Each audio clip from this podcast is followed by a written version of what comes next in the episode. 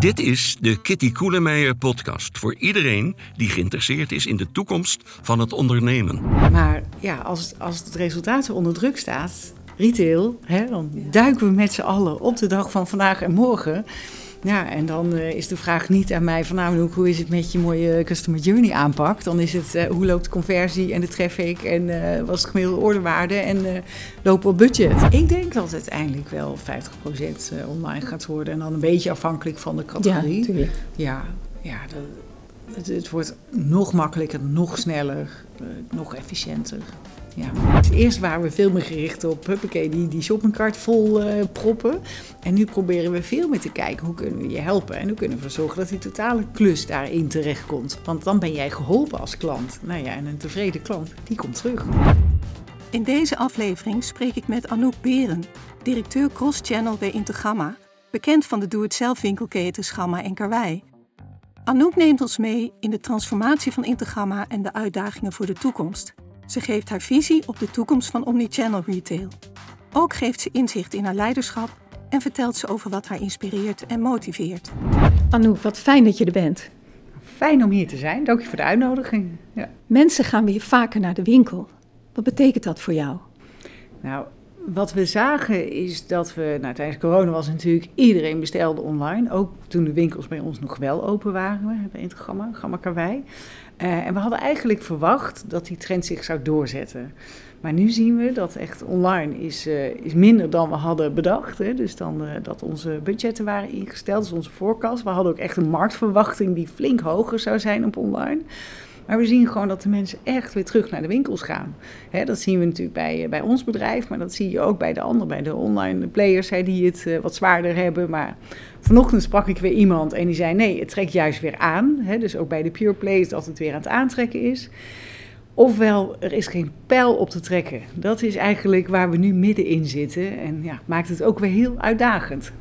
En hoe komt dat, dat jij daar geen, geen inzicht in hebt? Ja, we krijgen onze marktcijfers. Ja. Uh, we kijken heel erg naar wat, het, eh, wat de klanten op Google doen. Hè, want dat is, dat is echt uh, het zoekgedrag start daar. Ja. En op basis van die cijfers kunnen wij wel zien van, nou, is er inderdaad een, een, een, klantbehoefte, ja of nee? Hoe moeten we daarop inspelen? Nou, en dan zie je ook dat we soms in één keer verrast worden bijna door, uh, nou ja, door het zoekgedrag van klanten. Uh, en nou goed, het is natuurlijk ook zo, hè, we hebben, zoals een bedrijf werkt, je maakt je budgetten ergens in uh, het jaar daarvoor. En dan, nou ja, daar ga je dus op werken. Maar ja, het is niet zo grillig als de klant. En we hadden natuurlijk wel voor ogen met energieprijzen en inflatie en noem maar op. Hè. Dus daar is wel goed, uh, uiteraard heel goed naar gekeken. Maar uh, ja, het, het, komt echt anders uit dan dat we gevoorkast hadden. Dus het is spannende tijden weer. Dan heb ik een aantal dilemma's, die leg ik altijd aan mijn gasten voor. Mm -hmm. Dus voor jou heb ik ook een paar dilemma's. Eigenlijk zijn het ja-nee-vragen. We gaan daar dan straks nog even op door, maar je mag natuurlijk ook wat uh, over zeggen als je wil. En de eerste is: omnichannel retailers zijn structureel onderbezet ten aanzien van digitale competenties. Zo. Of ik het daarmee eens ben, ja of nee? Ja. Nee. Nee? Nee. Nou, duidelijk. Daar zullen we zo wat meer over horen, denk ik. Er zijn succesvolle voorbeelden van retailbedrijven die zijn getransformeerd. Ja. En wat voor type transformatie heb je het dan over? Inkoop klantgericht, digitaal, duurzaamheid? Um, van inkoop naar klantgericht, dat vind ik een hele belangrijke. Uh, transformatie echt veel meer vanuit uh, nou ja, de, de job to be done werken. Dus daar, daar zie ik wel voorbeelden van, ja. Oké, okay, gaan we ook direct nog één. En nog een laatste. Het klantgedrag zal de komende jaren nog sterk veranderen. Zeker, ja. Oké. Okay. Ja. Nou, je mag, je mag kiezen welke je, welke je wil toelichten verder. Um, de, ik vind die wel interessant van de, de digitale transformatie. Ja, voorbeeld. Ja, het is ook een bedrijf waar ik zelf vandaan kom. Oh. Ja, als ik daar uh, toch wel even mag ingaan. Ik werk Zeker. hier uh, drie jaar en daarvoor tien jaar bij uh, Bitfood.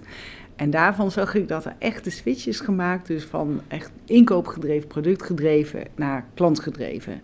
Ja, dat zag je in het veranderen van de processen, van de salesprocessen, van de inkoopprocessen. Uh, de wijze waarop er met marketing werd omgegaan. Dus daar heb ik echt wel een heel mooi voorbeeld gezien hoe dat dus voor elkaar is gekregen. En Bitfood, dat is geen retailbedrijf, hè? Nee, nee, maar ik vind het wel vaak als een retailer. Het is, non, het is, het is een, een food retailer voor B2B. Ja. Dus vanuit die mechanismen. Ja, en ik vind ook de fase waarin Intergamma zit vind ik ook wel een hele spannende op dat vlak. Dus hoe wij echt die transformatie aan het maken zijn. Ik weet niet of we daar straks nog terugkomen. Nee, je mag maar, erop uh, doorgaan, want wat, wat is daar zo spannend aan? Uh, omdat je, kijk, wij, zitten, wij zijn een, een traditioneel retailbedrijf. Hè? Gamma bijvoorbeeld bestaat 50 jaar. Nou, dan, uh, dan, dan, daar zitten een heleboel, ja, die trein die rijdt, daar zitten een heleboel gewoon hele degelijke processen. Uh, waar gewoon lastig van af te wijken is. Want er zit, we zitten in een keten hè, met leveranciers, uh, met logistiek, transport, nou, noem maar op. En dan je eigen processen. Nou, en hoe ga je die, ja, die trein, hoe ga je die langzaamaan, of die mammoetanker net, hoe je het wil noemen, hoe ga je die op een ander spoor krijgen? En dat is gewoon mensen die hebben een bepaalde manier van werken. En hoe gaan we nou inderdaad van dat, van dat product, eh, productgericht, naar echt klant-klusoplossingen werken? Nou, dat zit dus heel erg van uh, in de processen. Hoe gaan we de processen veranderen? Maar ook hoe krijgen we de mensen dan mee? Nou, en daar zit echt een fikse uitdaging, maar een hele leuke uitdaging ook. Ja, je zegt ik wil van productgericht naar klusgericht. Ja. Maar gedragen consumenten zich zo al, en misschien ook de kleine vakman? Zijn die al heel erg klusgericht aan het zoeken en aan het shoppen?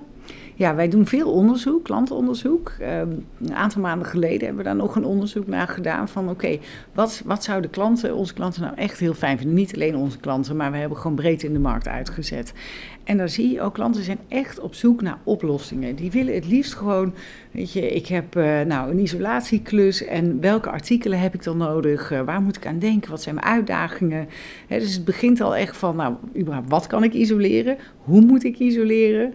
Uh, wie kan me eventueel helpen als ik er zelf niet uitkom? En welke spullen heb ik dan nodig? En als ik die nodig heb, hoe gebruik ik die spullen dan? Zodat ik inderdaad, hè, want als het doel de klus is, uh, mijn energierekening verlagen. Hè? Dat, dat is het einddoel van, van onze klanten. En daar zie je dus dat die autoriteit ook heel erg wordt gezocht. Hè? Van nou, welke partij kan mij nou helpen met inderdaad die one-stop shop? En noem het even de one-stop solution. Hè? Een perfect Nederlands. Maar dat, uh, ja, dan zie je dus dat klanten dat echt heel graag zouden willen. Ja, je, je schetste net die grote lijnen waar je dan mee te maken hebt. Maar mm -hmm. de, de vraag is natuurlijk, hoe pak je zoiets aan? Hoe doe je dat? Ja, nou, wij hebben een aantal pijlers gepakt om daaraan te werken. Um, sowieso hebben we een, een strategie neergezet, hè, we een missie neergezet van uh, wij willen echt uh, het favoriete adres zijn voor, uh, voor de klusser in Nederland. Dus dat is een hele belangrijke, dat is echt het uitgangspunt hè, met de meest duurzame oplossingen. Dus dat, is al, dat geeft al richting waar je heen wil. Daarnaast zijn we best een nou, fix cultuurprogramma begonnen om gewoon iedereen ja, te, te, helpen van nou, hoe, hoe ziet dat er dan uit? Weet je, waar moet je aan denken? Wat, wat doen onze klanten? Dus uh, uh, meer inzicht te geven in waar een klant mee bezig is. Het klinkt misschien heel raar, maar als jij gewoon dag in dag uit lekker op kantoor zit, dan, dan, dan zit jij op jouw stuk van het proces en dat doe je dan. Dus maar elke keer dat bewustzijn en de keuzes die jij maakt, wat betekent dat dan? Nou, daarnaast zijn we echt vanuit de strategie ook gestart met echt een uh, klusjourneys opzetten. Dus een customer journey aanpak, om het maar zo te noemen. Het is best een fix programma ook geweest. En daar zitten we nu nog echt midden in de implementatie en verdere uitrol. En dat je dus altijd gaat kijken, het start bij de klant. Wat wil de klant? Uh, wat zoekt hij? Hoe kunnen we hem helpen met die beste oplossingen voor onze klanten bieden? En je helpt een klant dus niet als je echt heel erg op de inkoop gaat zitten en die, en die producten uiteindelijk niet matchen met de klantbehoeften. Nou, dus dat is voor ons die customer journey aanpak. Dat is echt wel key om, om echt die switch te kunnen maken naar, een, naar die aanpak. Ja, binnen retailbedrijf heb je ook vaak silo's. Dat geldt eigenlijk voor bedrijven in het algemeen. Ja. He, je eigen domein, je eigen gebied waarop je bezig bent. Die moet je doorbreken. Want zeker als je vanuit die klantreis denkt, moeten mensen met elkaar die klantreis vormgeven. Hoe doorbreek je dat? Is een cultuurprogramma dan voldoende? Ik, ik geloof in twee ja, tweeledig. Aan de ene kant inderdaad zo'n cultuurprogramma, dat zit meer in het bewustzijn creëren. Hè, van hey, welke keuzes maak ik en wat heeft dat voor impact en hoe denken onze klanten. En aan de andere kant door gewoon uh, projecten te doen, die je, of projecten, trajecten, die je multidisciplinair gaat inrichten. Want als je met elkaar gaat werken, dan leer je elkaar kennen. En voor mij begint fijn werken met connectie maken met de ander. Hè, dus leer elkaar kennen, ga met elkaar werken. Hè, en dan heb je inderdaad dat soort traject. Want dan kun je ook even teruggrijpen op de activiteiten uit zo'n cultuurprogramma. En kun je daar naartoe verwijzen als je met elkaar aan het werken bent. En je ziet dat iemand een nou, bijzondere keuze maakt in zijn werk. dus die, die connectie vind ik juist heel sterk om dat samen te doen. Maar is het niet zo dat je concurrenten op de Nederlandse Belgische markt, hè, waar je met, als Intergamma zit, dat die hetzelfde aan het doen zijn? Die hebben datzelfde probleem. Die willen ook uh, ja, de, de, plek zijn waar je naartoe gaat om je klusproblemen op te lossen. Ja. Hoe, wat, wat doe jij nou anders of beter? Hè? Wat, waardoor denk je dat, jij dit, uh, dat je hier een voorsprong op krijgt? Ik denk um, wat je inderdaad bij. Uh, nou, sowieso, ja, jij, jij, haalt de concurrent aan. Ik kijk eerlijk gezegd altijd wat minder naar de concurrent. Ik kijk vooral van: oké, wat zoeken klanten? En wat kunnen wij dan echt extreem goed bieden om die klanten goed te helpen? Nou, en die stappen maken, en natuurlijk, hè, dan kijk ik wel met een schuin oog even opzij uh, wat gebeurt daar. Hè? Dus daar kijk je ja. toch wel naar. Ja. Maar qua innovatie en vernieuwing, kijk, voor mij zit marktaandelen zit, zit best wel op de dag van vandaag en morgen. Hè? Dus toch iets meer de kortere termijn sturing. Maar uiteraard, we doen heel veel stappen voor een lange termijn marktaandeel. Hè? Dus, dus dat je dat behoudt, of in ieder geval weer vergroot. Dus die snap ik. Maar voor mij, het, ik kijk juist heel erg naar van wat zie ik aan voorbeelden in de markt en hoe zou ik het zien en wat willen onze klanten en hoe kan ik daar nou op inspelen.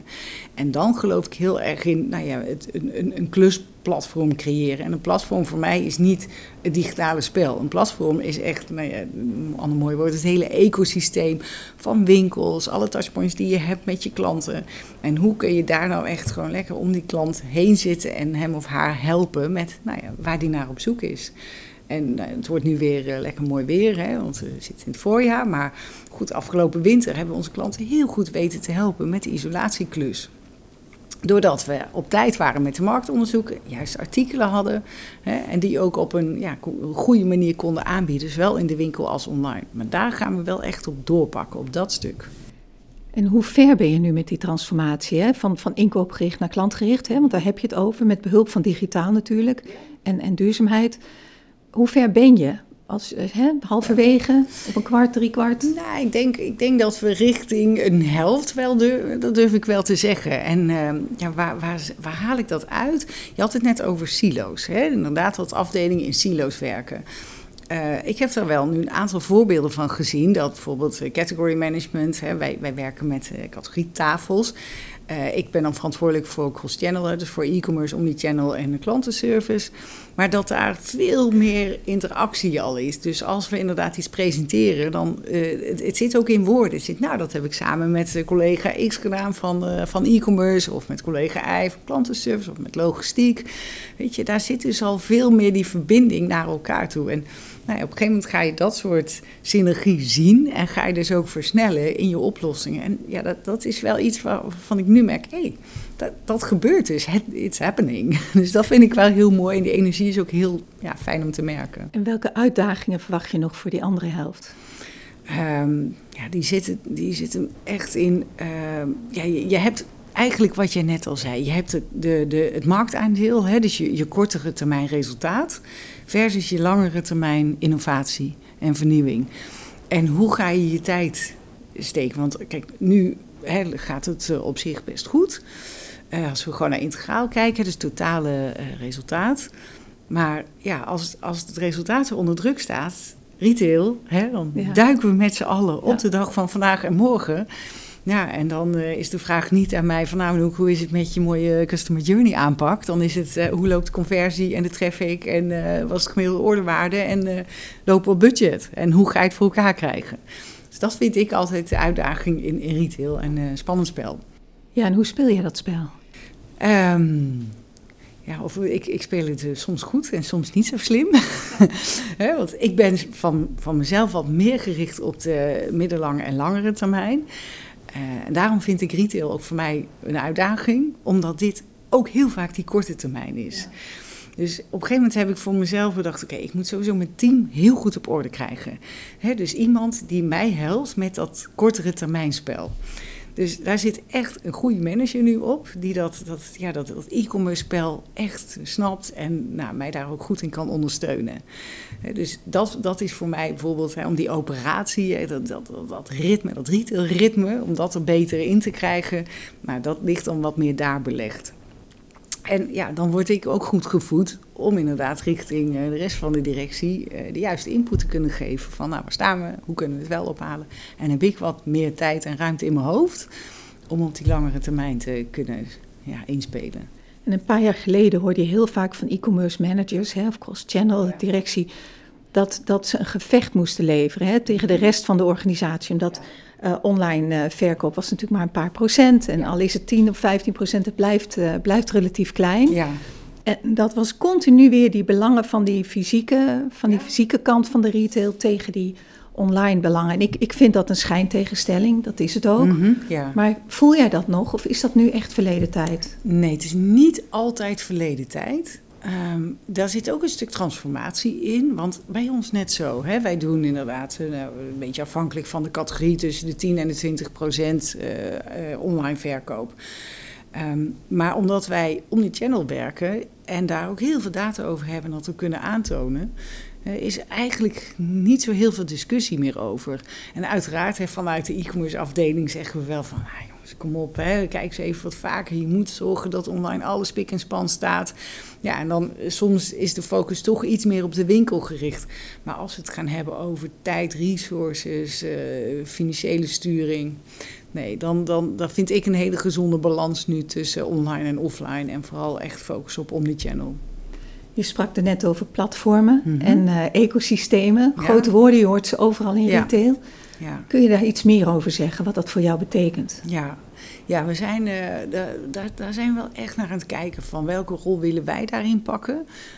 Um, wat verwacht de klant? Hè? Dus wat ik uh, net al aangaf, daar hebben we onderzoek voor gedaan. En de klant verwacht ook eigenlijk van een speler zoals Gamma dat ze daar die one-stop shop kunnen vinden. Hè? Dus op het gebied van service, advies, uh, inspiratie en uiteraard de transactie.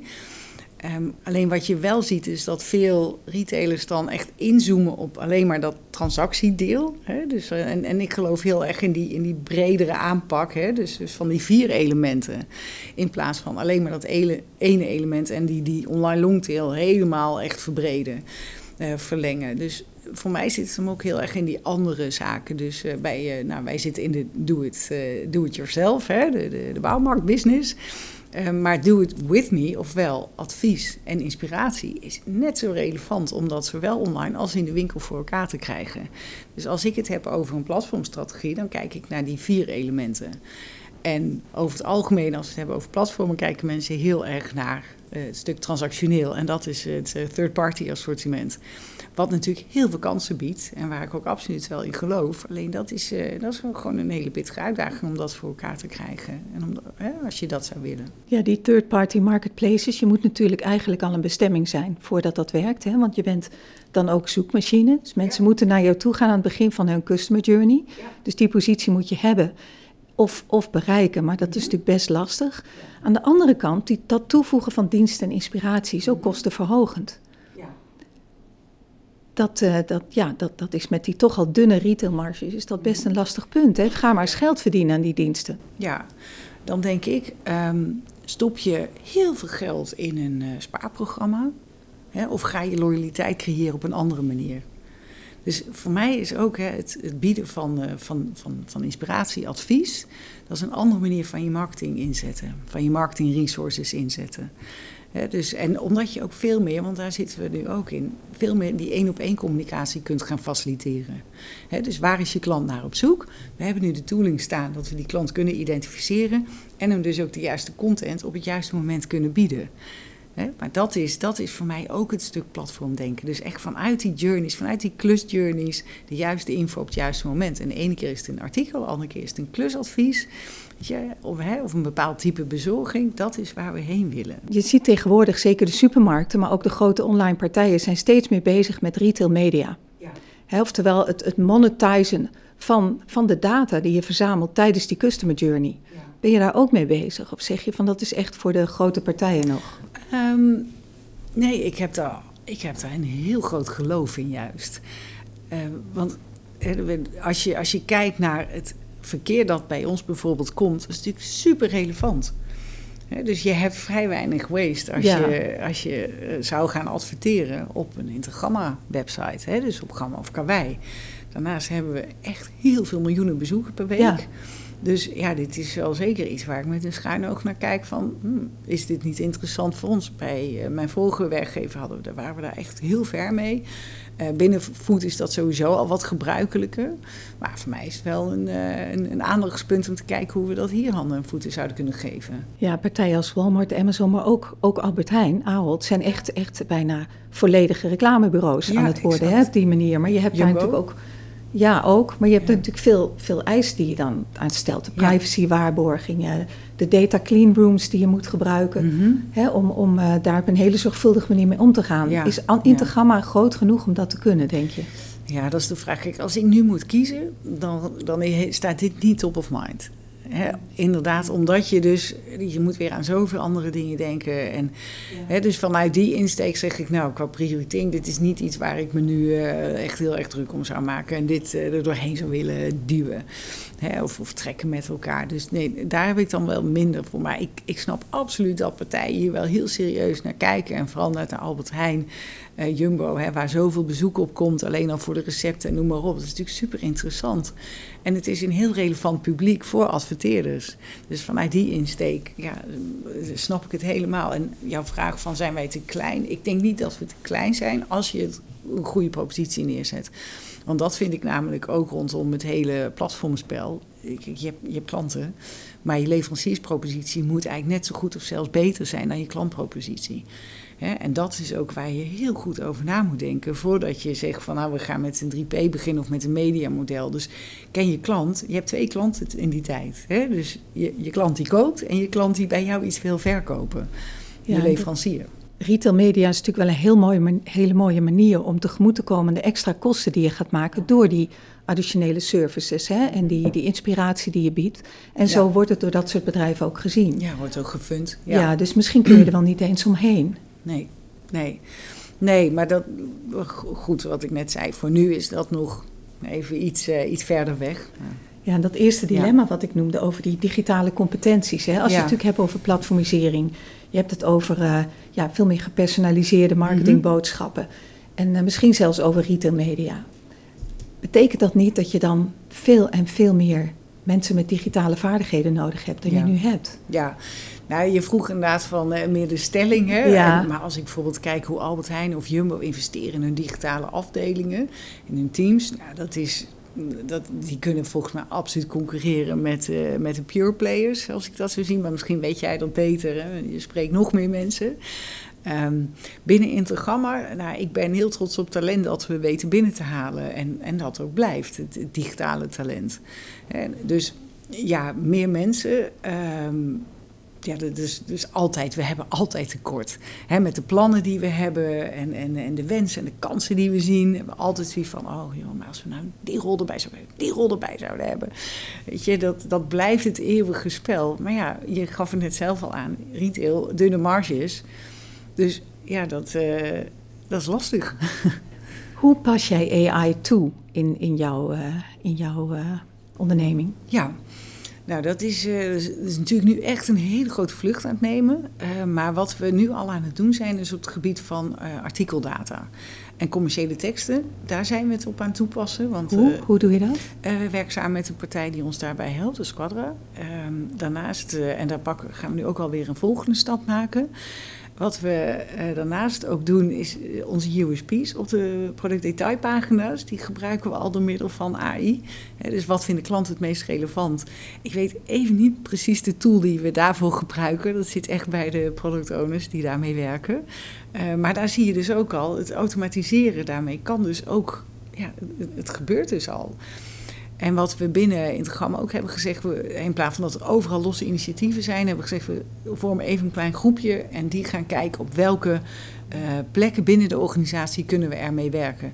Ja, en binnen e-commerce voor ons het, is, ik zit nu midden in een, in een project waarbij we gezegd hebben: we willen echt naar een next level artikeldata-informatie. Want dat is echt de brandstof van je organisatie. En in plaats van te zeggen van nou, dan moeten dus, uh, weet ik veel, uh, 10 FTE's bij, hebben we gezegd nee, welke tooling gaan wij toepassen en wat is er nog meer, zodat we eigenlijk gewoon met dezelfde bezetting verder zouden kunnen.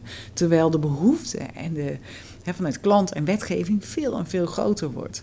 Dus daar, dat is echt iets wat, eh, nou ja, wat ik net uh, met die genoemde partijen aan het oppakken ben. Of ja. tenminste de mensen in de, in de afdeling. Chatbots heb je helemaal voor elkaar al? Ja, chatbots. Ja, de, wij zitten zelfs weer in de selectie van een nieuwe. Een, uh, een echt weer een verbeterde chatbot. Hè, met, met inderdaad ook nou ja, nog strakkere algoritmes.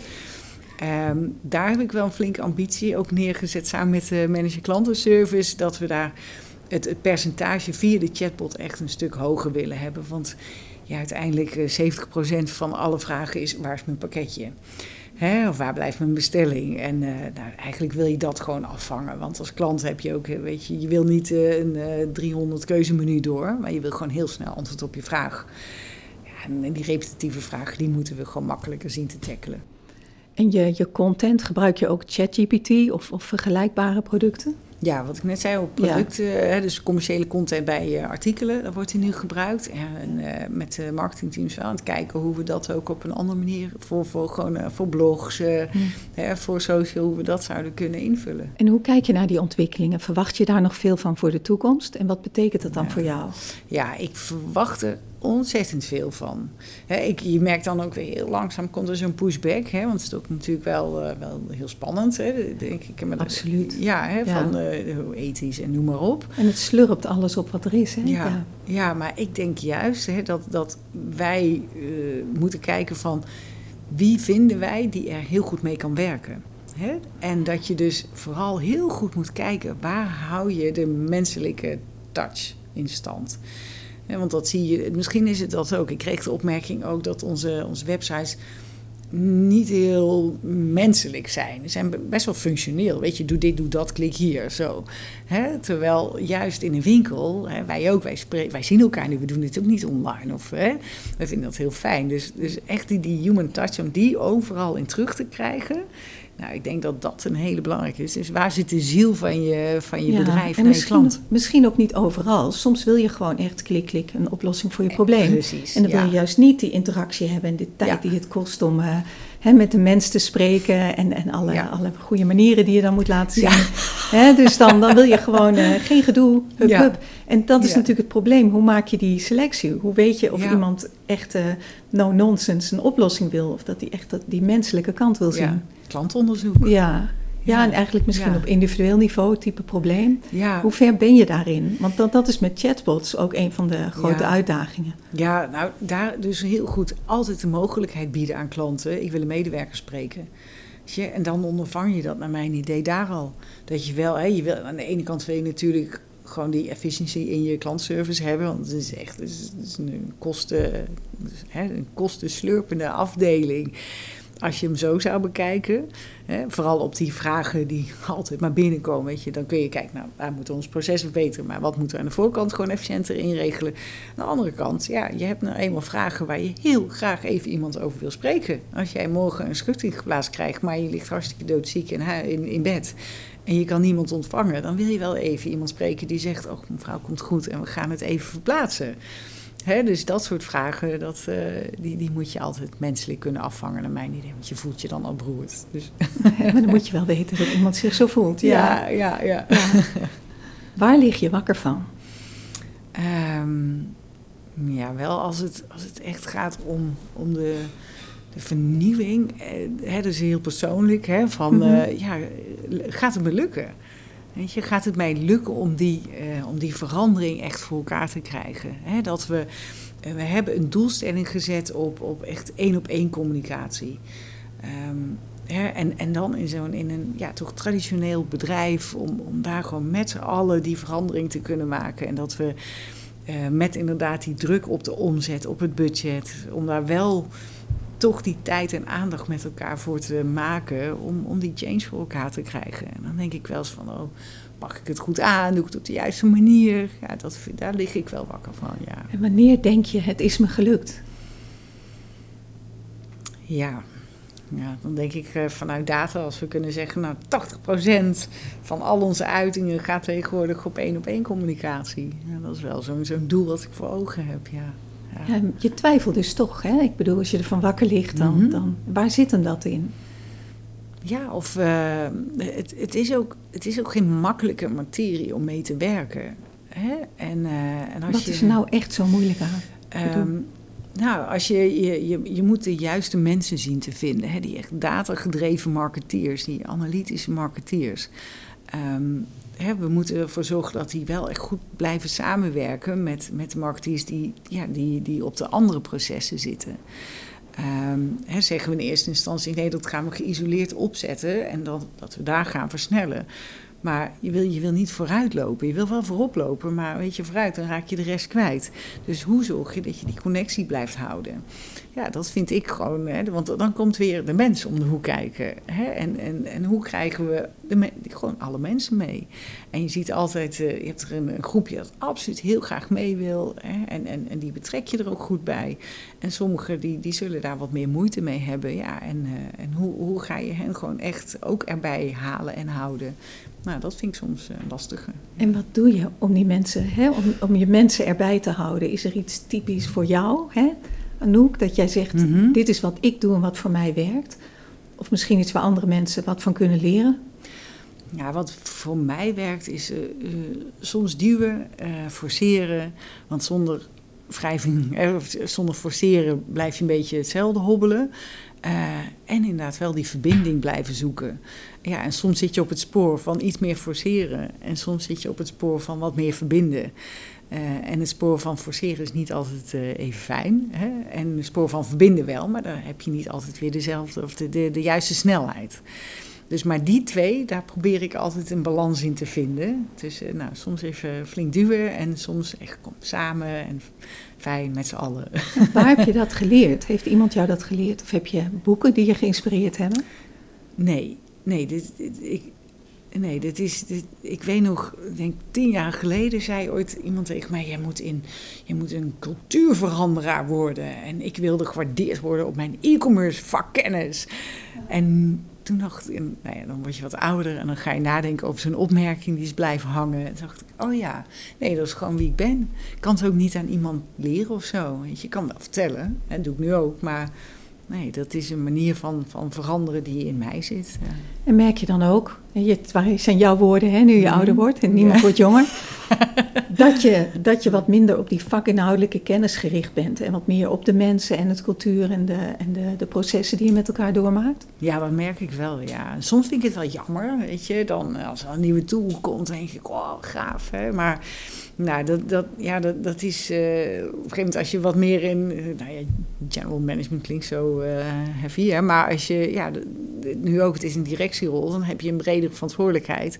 Ja, dan kun je niet meer echt helemaal focussen op die operatie blijven geven. Dat, dat werkt gewoon niet. Soms vind ik het jammer, maar ik vind juist ook heel leuk, echt dat, dat bredere plaatje. En Hè, en echt het overzicht houden van, nou, als ik daar een beetje duw, dan gebeurt er daar ook wat.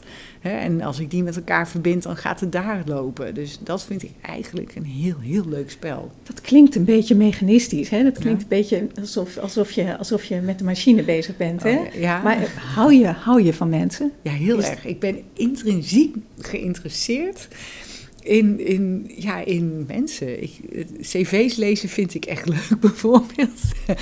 Maar ook ja, op de afdeling ook. Dat ik zit uh, op de afdeling, dus uh, van, van mijn eigen afdeling. Ja, en lekker kletsen s ochtends en vraag goed met ze gaat. En ik klets ook zelf heel graag over wat ik allemaal heb meegemaakt. Dat, ja, nee, dat vind ik echt, ik vind dat fijn. Ja. En, en zien jullie elkaar vaak? Of is er veel, werken mensen veel thuis bij jou? Ja, ik vind het echt heel fijn. Maar maandag tot met donderdag is het eigenlijk volle bak. Dat mensen echt een plekje moeten zoeken. Soms. Het is natuurlijk wel minder fijn als je later binnenkomt, dat snap ik ook. Maar uh, nee, het is echt, uh, ja, en we doen veel leuke dingen op de afdeling met elkaar. En uh, daar hebben we wel weer echt moeten opstarten. Maar het is ook, toen ik hier kwam, was het, bij in het Gamma ging werken, was het drie maanden voordat corona losbarstte. En het was toen een afdeling van 14 man. En nu zitten we met, ik denk, zo'n 45 man plus klantenservice. Ja, dus ik heb ook wel echt afgelopen jaar hard moeten werken om die afdeling een afdeling te laten zijn, hè, te, te laten worden. Dus, uh, maar uh, ja, dus het, het hoge ENPS, medewerkerstevredenheid, data weer, hè, dus dat, daar ben ik wel echt heel trots op. En, en mensen zijn dus op kantoor. Als ze het niet leuk vinden, komen ze niet hoor. Oké, okay, ja, nee. behalve als je ze verplicht te komen. Hè? Ja, en dat doe ik niet. Nee. nee. Oh, We hebben wel beleid, dat is 50-50. Dus, maar de meeste echt wel 70, 30, 80, 20. Ja, dus ik hoef niemand te verplichten. En je noemt NPS eh, in het kader van medewerkerstevredenheid, maar je hebt natuurlijk ook NPS als het gaat om klantentevredenheid. Ja. Hè? Daar wordt natuurlijk heel goed op gemeten. Ja. Zie je daar verbetering in? Ja. Kun je zeggen hoe hoog die NPS is? Uh, ja, voor, onze, voor mijn, mijn vakgebied is de, de webshop zit die, uh, op, op plus 36, plus 37. Dus heel trots op. Bouwmarkt is ook ontzettend hoog.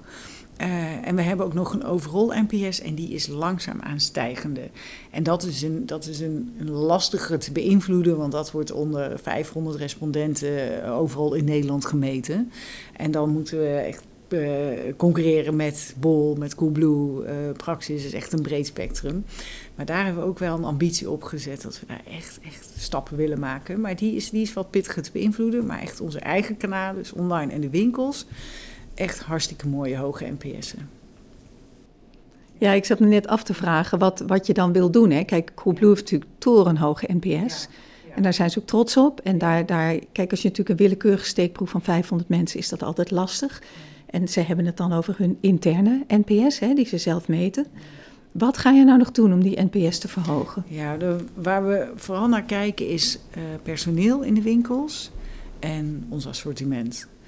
En voor personeel in de winkels, dat is, dat, dat is heel mooi om te zien, want dat is een hele grote, uh, ja, zeg nou, uh, promotor, maar ook een hele grote detractor. Daar komt hij weer, de menselijke ja. factor. Ja. Hè? Dus als iemand inderdaad een positieve ervaring heeft met een mens, is hij ook meteen heel hoog. Nou, negatief is hij meteen heel laag. Dus uh, daar, daar loopt, een, uh, daar loopt een, nou, gewoon een, een, een, mooi programma op in de winkels, noemen wij service en advies. Waarbij we dus meer willen inzetten op mensen die echt ja, beter advies kunnen geven, uh, klantvriendelijker zijn. en wat minder met de, met de winkelprocessen zelf bezig zijn. Nou, en daar, daar zijn de eerste resultaten wel echt mooi positief. Dus daar zijn we wel blij mee. Ja. Nou is Integramme een franchiseorganisatie. Ja. Hè, dus niet alleen de winkels uh, worden door zelfstandige ondernemers gerund, mm -hmm. maar ook het, het, het, economisch eigendom van het bedrijf ligt ja. bij de franchise-nemers, grotendeels. En uh, wat betekent dat voor jou? Wat vind je daarvan? Hoe merk je dat? Um, nou, je, je, je moet met de ondernemers moet je ook vernieuwen. Heb je He? veel contact met ze? Um, ik zou wel meer contact met ze willen hebben. Ja, dan zie je toch, dan, he, dan ben ik toch uh, te veel uh, met, met eigen bedrijf bezig.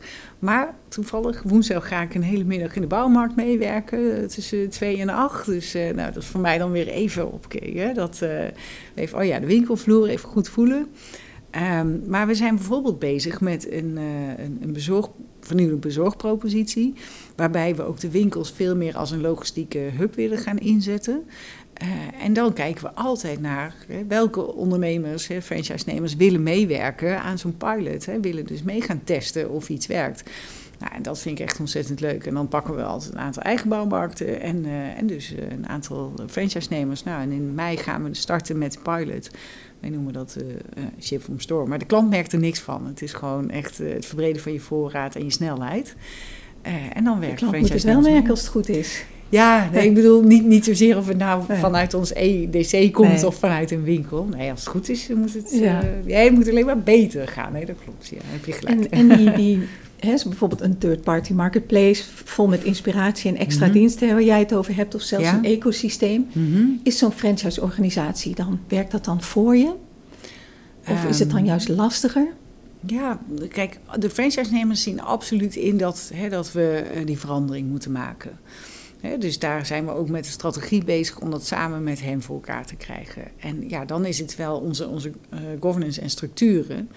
Uh, die zijn soms wel uitdagend om dat voor elkaar te krijgen. Hè? Maar hetzelfde als dat je met je webshop gaat starten. Uh, hoe ga je je verdiensten verdelen? Hoe ga je dat over je franchise en je eigen bouwmarkt uh, neerleggen? Hè? Die hele financiële afrekening. Nou, dat zal natuurlijk ook voor de hele third-party aanpak moeten gelden. Hoe gaan we dat aanpakken? Dus ja, is het een belemmering? ja, misschien in je snelheid. Maar uiteindelijk weten we allemaal dat we een bepaalde kant op zullen gaan. De vraag is inderdaad, gaan we doen en wanneer? Dus, ja, ja, met de webshops heeft dat heel goed uitgepakt voor ja. Integamma. Maar het is een goede vraag. Ga je het doen en wanneer? Kun je daar antwoord op geven al? Nee, we zitten echt midden in het, uh, nou, in het kijken van welke elementen gaan we wel doen en welke elementen mm, eventueel of niet. Dus uh, nee, daar kan ik nog niet te veel over zeggen. Maar je gaat het waarschijnlijk wel doen. Nou, Alleen de manier waarop. Ja, ja. platformen sowieso, weet je. Dus, dus dat, hè, serviceadvies, dat is, uh, dat is echt een no-brainer voor ons. Omdat dat vanuit die klantbehoeften en die volledige klus heel erg is. En, uh, ja, Hoe staan leveranciers daarin? Uh, we hebben veel gesprekken met leveranciers gevoerd. Maar dat is wel grappig om te zien. Dat uh, leveranciers die, die vinden het... ja, aan de ene kant zeggen ze... maar waarom heb je daar dan... zou je dan een marketplace voor opstellen? Want we kunnen toch gewoon al ons assortiment al bij jullie kwijt. Maar dan kom je weer in die uitdaging van artikeldata... opvoeren van data, weet je. Dat zijn gewoon echt de tijdverretende activiteiten... Uh, en dat is natuurlijk met een, uh, met een marketplace, ja, je legt verantwoordelijkheid ergens anders neer. Dus uh, nee, over het algemeen zijn ze wel positief. Maar ook wel weer, en dat, dat blijf ik altijd benadrukken, je moet echt die leverancierspropositie goed hebben. Dus what's in it for them, weet je. En als je dat uit het oog verliest, ja, dan uh, begin er niet aan, zou ik zeggen. Ja, je bent ook niet de enige die het aan ze vraagt. Hè? Nee. Dus voor je het weet, uh, ja, is zo'n leverancier betrokken bij, bij drie, vier binnenlandse ja de ja. party marketplace is nog even los van de, de grote twee, drie. Mm -hmm. En dat, uh, ja, dat is voor hen ook een, een, route die ze natuurlijk inslaan. Maar ik kan ja. me voorstellen dat dat voor hen ook wel uh, complicaties met zich meebrengt. Ja, ja, waar ben je loyaal aan? Hè? Want uh, ja. ja, zei je ook, je hebt het, het retail spelmodel en je hebt het marketplace spelmodel. Ja, ja en, en, dan, dan gaan velen gaan nog eens gaan nog niet eens direct to consumer. Nee. Terwijl ze dat misschien wel overwegen. Zie je daar nog ontwikkelingen? Nou, dat had ik dus ook verwacht dat dat veel harder zou gaan. Want dat zag ik in mijn tijd bij, bij Bitfood al gebeuren. Hè. Unilever die eigen webshops ging opzetten. Uh, Nestlé die daarmee bezig was. Dus vanuit die insteek dacht ik, ah, weet je, ook een, een, een Bosch die gaat toch veel harder daarop inzetten. Of uh, Dyson hebben we natuurlijk gezien, hè, die best wel hard adverteerde van uh, bestel direct op Dyson.nl. Um, en ik, ik, vind, ik vind dat toch wel. Nou, ik had er meer van verwacht. Ik had die, die, die snelheid van inderdaad leveranciers wel harder, harder zien gaan. Dat had ja, ik wel verwacht. Dan is het toch de vergelijking, hè? Het, het, het, de, de keuzehulp uit het aanbod die je nodig hebt. Hè? Mm -hmm. dat, dat, dat consumenten, vaklui, toch blijkbaar willen kunnen kiezen uit, uit verschillende alternatieven die kunnen vergelijken. Daar toch een, een neutraal, relatief neutraal oordeel over willen kunnen, willen kunnen vellen. Ja, maar ik, voor mij bewijst het alleen maar weer dat klanten echt die, die, die one-stop shop gewoon heel fijn vinden. He, dat je gewoon alles op één plek. Uh, en soms ga je even naar een specialist als je daar echt gewoon uh, hulp bij nodig hebt. Maar welk deel van jullie omzet is nou afkomstig uit die klus? Hè? Ik bedoel, want dat betekent mm -hmm. dat, je, dat je uit meerdere categorieën tegelijk producten koopt. Hè? Dat, waaruit jullie ja. kunnen zien van hé, hey, dit is iemand die koopt voor een klus alle dingen samen. Mm -hmm. In plaats van heel gericht een, een, een, artikel kiezen. Ja. Kun je daar ja. iets over zeggen? Ja, nee, ik kan, ik, die percentages, dat, uh, dat kan Ongeveer. Zo, uh, ja, we, we hebben wel, we zien dat online natuurlijk. Hè, is onze gemiddelde orderwaarde best wel hoog. En daar zie je dat mensen inderdaad heel veel bijverkoop hebben, hè, zoals we dat noemen, heel veel cross-sell. Dus, maar goed, daar, daar, stuur je ook op online. Weet je. Als iemand uh, een vloer koopt, dan probeer je daar ook een vloerenleg setje bij te verkopen. En dat is voor ons ook een belangrijke KPI, uh, bijverkoop aantal SKU's in je, in je shoppingcart. Hè, dus ja, maar dat is wat je doet met e-commerce. Hè? Ja. Het is nog niet eens anders. Dat is niet, nee. kun je ook doen als je volledig productgericht bent. Ja, of zelfs ja, inkoopgericht. Ja, nee, want dan, voor mij is het grote verschil. Dan zou ik sturen op in die shoppingcart op een kassakoopje. He, dus dan zou ik zeggen, oh, we hebben nu even een setje schroevendraaiers in de aanbieding. Pak die er even lekker bij. En door je te richten op de klus, zeg je dus, je pakt binnen die klus. En natuurlijk, e-commerce is het mechanisme wat je daar heel goed bij helpt. Hè, maar inderdaad, hoor, het, is, het is eerst waren we veel meer gericht op huppakee, die, die shoppingcart vol uh, proppen. En nu proberen we veel meer te kijken hoe kunnen we je helpen. En hoe kunnen we zorgen dat die totale klus daarin terechtkomt. Want dan ben jij geholpen als klant. Nou ja, en een tevreden klant, die komt terug. Verwacht je nog een sterke stijging van het aandeel e-commerce? Ja, ik, ik, ik had, nou, vier maanden geleden had ik gezegd ja, absoluut. He, want inderdaad, na, na drie jaar of twee jaar corona, met echt, dan zit het toch zo in de gewoonte van de mensen. En ik had dit echt niet verwacht. Dat, uh, nou ja, dat het toch. Uh, ik moet wel weer zeggen, de afgelopen twee, drie weken trekt het wel weer in één keer aan online. Dus het, het, het gaat echt gewoon. Maar waar stopt het? Hè? Je zegt nu afhankelijk van de categorie 10, 20 procent. Mhm. Wat wordt het? 30, 40? Ik denk dat het uiteindelijk wel 50 procent eh, online gaat worden. En dan een beetje afhankelijk van de categorie. Ja, ja, ja het, het, wordt nog makkelijker, nog sneller, uh, nog efficiënter. Ja. En nog beter, ja. Even over duurzaamheid. Want dat is, uh, dat is natuurlijk het thema voor de komende jaren, misschien zelfs decennia je hebt natuurlijk scope 3, waar heel veel retailers, nou ik wil niet zeggen wakker van liggen, maar waar ze toch uh, ja, veel moeite voor moeten doen. Hoe raakt dat jou en op welke manier ben jij daarmee bezig? Ja, wij zijn eh, sowieso aan het kijken samen met onze partners, hè, met PostNL, maar ook met Catonatie, waar ons e-fulfillment center zit voor de webshop. Uh, om te kijken hoe we nou ja, lucht uit de verpakking kunnen halen, hoe we het transport efficiënter kunnen maken, uh, minder bewegingen van, uh, van de artikelen. dus dat is dan samen met de partners, maar ook de, wat ik net aangaf, Ship from Store, dat we dus kijken, die last mile, dat we, sorry, de, dus die minder beweging, dat we het aantal kilometers gaan verkorten, dus wat meer leveren vanuit de winkels. dat zijn allemaal aspecten die binnen, nou ja, binnen mijn vakgebied nu spelen en waarbij we dus nou ja, onze, onze doelstelling, dus CO2-reductie proberen omlaag te krijgen. Maar als je het op ketenniveau bekijkt, mhm. want je, je koopt natuurlijk over de hele wereld in. Ja. Ehm, aan de andere kant heb je mensen die hele volumineuze producten bestellen en, wil, en weer uh, retourneren. Ja. Tegen zo min mogelijk uh, kosten daarvan. Ja. ja. Ja. Waardoor je het wat breder trekt? Ja, nou wil ze sowieso retourneren van grote artikelen niet gratis. Wel kostendekkend of niet? ja, je, moet het, je mag het gratis terugbrengen naar de bouwmarkt. Maar als jij een tuinset hebt besteld, ja, over het algemeen breng je die ook niet zo snel terug, tenzij er een klacht is. Weet je, dus uh, dat, dat scheelt wel weer. Uh, en ook dat stuk, je kunt het in je voorraad weer terugzetten. Dus nou ja. Um, nee, maar breder, ja, daar, daar zit nu ons programma ook op. Hè. Dus dat zit dan bij afdeling inkoop. Dat ze dus echt gaan kijken van hoe ze dus het, een groot percentage van het assortiment op een andere wijze kunnen gaan inkopen. Want ja, klopt, veel komt uit China. Uh, dus uh, ik, uh, ja, dat, dat wordt nu allemaal opgezet. Welke, welke uitdagingen zie jij nog op het gebied van duurzaamheid? vele. Ja, vooral op het gebied van assortiment. Um, wij kunnen die ambitie heel hoog stellen, uh, maar je hebt te maken met klantvraag en je hebt te maken met leveranciers. Hè. Je ziet wel door de regulering en de wetgeving dat daar wel echt ook bij leveranciers veel meer aandacht voor is. Dus eigenlijk hè, door de wetgeving toch te forceren weer. Hè, dus uh, um, ja, maken we het elkaar wel makkelijker. Dus dat begint nu wel te komen. Um, hè, dus, dus, we hoeven ook als retailer minder te duwen, want aan die kant gebeurt het ook. Dus dat, dat is wel fijn. Maar ja, het is, het, soms is het heel ingewikkeld. Wil je bepaalde artikelen, uh, ja, die wil je wel heel graag in je assortiment hebben. Want de klant vraagt om, maak je dan een harde keuze? Hè, wat je commercieel hard gaat raken, um, in hoeverre ga je daarin mee? Ga je een veel duurder artikel zoeken, terwijl je concurrent dat nog wel gewoon voert?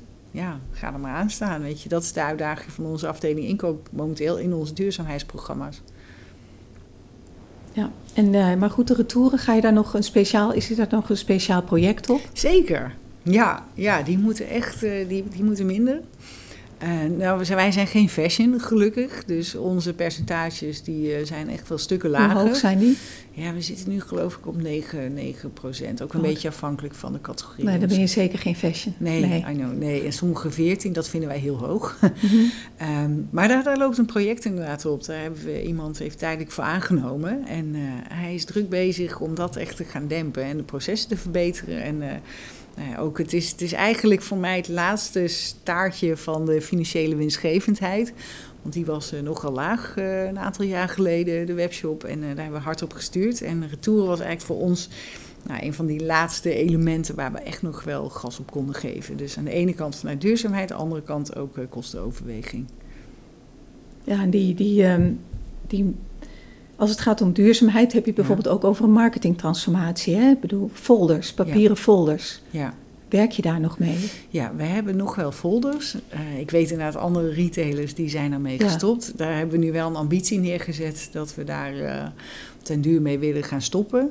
Um, ja, en, en dat, dat is dus een van die trajecten waar ik dus middenin zit. Hè, want daar heb je die, uh, je marketing automation ja. goed voor nodig. Je CRM moet op orde zijn. En, en nou ja, dat is waar ik dan dus wakker van lig van die ambitie. Hoe, hoe gaan we die halen? We gaan hem halen, hoe dan ook. Maar ja, hoe, hoe gaan we hem halen en welke stappen moeten we nemen? Nou, dat is, en wanneer? Ja, ja, ja. we zijn gestart. dat is goed. dat is goed. Ja. Um, even persoonlijk, hè, Anouk. Ja. Wat, wat inspireert jou nou? Waarom ben je dit werk gaan doen? Wat, wat motiveert jou om dat ja. te blijven doen? Ja, dat, soms denk ik ook als, jee, het kost veel energie. Uh, maar wat mij ja, echt bedrijf in beweging zetten. Hè, uh, soms dingen forceren, wat niet altijd even leuk is, maar ook mensen meekrijgen. En als je dan ziet dat het wel lukt, hè, dat je wel verandering in één keer merkt van, oh, oh, we gaan nu echt een richting op. Of nou, bijvoorbeeld, uh, uh, we zetten de ambitie neer, we stoppen met, hè, we, stoppen met papier TZT. Dan denk ik, nou, weet je, dan dus elke keer dat, dat je daarover begint en over praat en dus een presentatie geeft en noem maar op, ja, dat begint dus een vruchten af te werpen. Dus, want dit is niet een baan die je even in twee, drie jaar doet. En die doe je er ook niet even bij. En nou heb je ook jonge mensen op de werkvloer, generatie ja. Z. Ja. Laten die dan op, op een andere manier kijken naar de problematiek en, en moet je ze misschien ook op een andere manier behandelen? Ja, sowieso zijn er maar weinig die fulltime werken. He, dus echt uh, werk-privébalans is super belangrijk. En de vrijheid ook bieden, maar wel sturing. Hè? Dus um, dat, dat, ja, dat zie ik wel van, oh, daar, daar, daar, moet ik wel op een andere manier mee omgaan. En ik denk, als ik gewoon kijk, ook dan um, die, die, die, die drive die ik heb van altijd maar werken, werken, ja, die zit daar gewoon wel wat minder. En de, ja, dat is wel de manier waar dan ik denk, oh ja, en, en echt heel goed kijken naar ze van welke purpose hebben ze, waar kan ik ze op aanzetten, uh, wat, wat drijft hen nou echt. Ja, ik vind dat wel heel leuk hoor, om, uh, om daarmee te werken. Maar heb je ook wat van hen geleerd? He, want je zegt dat ja. werken, werken, werken, dat, ja, dat zit er bij jou in. Ja, dat dus. Niet geheel onbekend. nee, nee, dat vinden we leuk. Hè, Kitty? Ja. Ja. Um, ja, dat je, weet je, kan ook wel soms zo even. Niet ja, vaak, dat, maar... maar beïnvloedt jou dat ook? Heb ja, je dan zeker. Ook, uh... ja, ja, dat ik echt wel wat relaxter op Maar de zonder schuldgevoel van ik ben nu wel heel relaxed? Nee, dat vind ik moeilijk. Ja. nee, maar goed, ik heb, ik, weet je, ik, ik heb nog ook wel genoeg dingen naast werk, dus uh, dat, Ja. dat dwingt mij ook Maar dat doe je er dan even bij. Ja, dat, dat doen we er wel bij. Ja. Ja.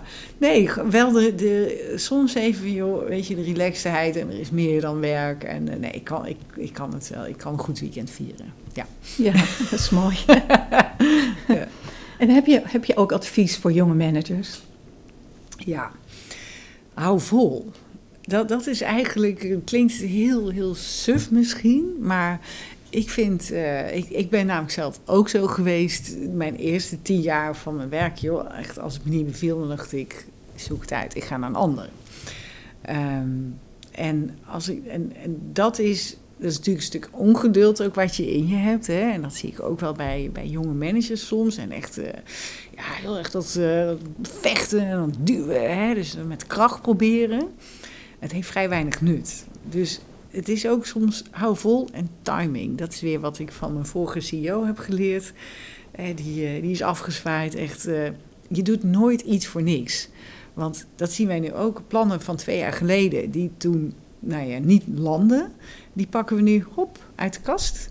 En die leggen we neer, stoffen we af, maken we weer even actueel. En dan zegt iedereen, wat een fantastisch plan. Dus, en dat probeer ik dus ook naar, naar mijn eh, managers over te brengen. Van, eh, ja, je doet nooit iets voor niks. En er is altijd een moment, alleen het moment zien en dan pakken en er klaar voor zijn.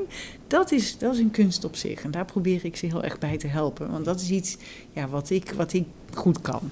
Welke vraag heb je nog aan willekeurige andere gasten in deze podcast? Hè? Je weet wat voor mensen hier zo al komen. Ja, welke grote ontwikkelingen zien we nog aankomen en ja, welke tips hebben zij, hij zei dan, om daar op de juiste manier op in te springen. Dat vind ik echt een, eh, een hele interessante. Daar ben ik continu mee bezig. Maar hoe doen anderen dat, zodat ik dat stuk nog beter kan doen? Dankjewel Anouk, fijn dat je er was. Nou, heel graag gedaan. Ik vond het heel leuk, dank je. Dit was de Kitty Koelemeijer podcast. Als je dit gesprek interessant vindt en vaker dit soort gesprekken wilt zien of horen, druk dan op die bekende knop. Want dan weet je één ding zeker: de podcast van Kitty wordt vervolgd.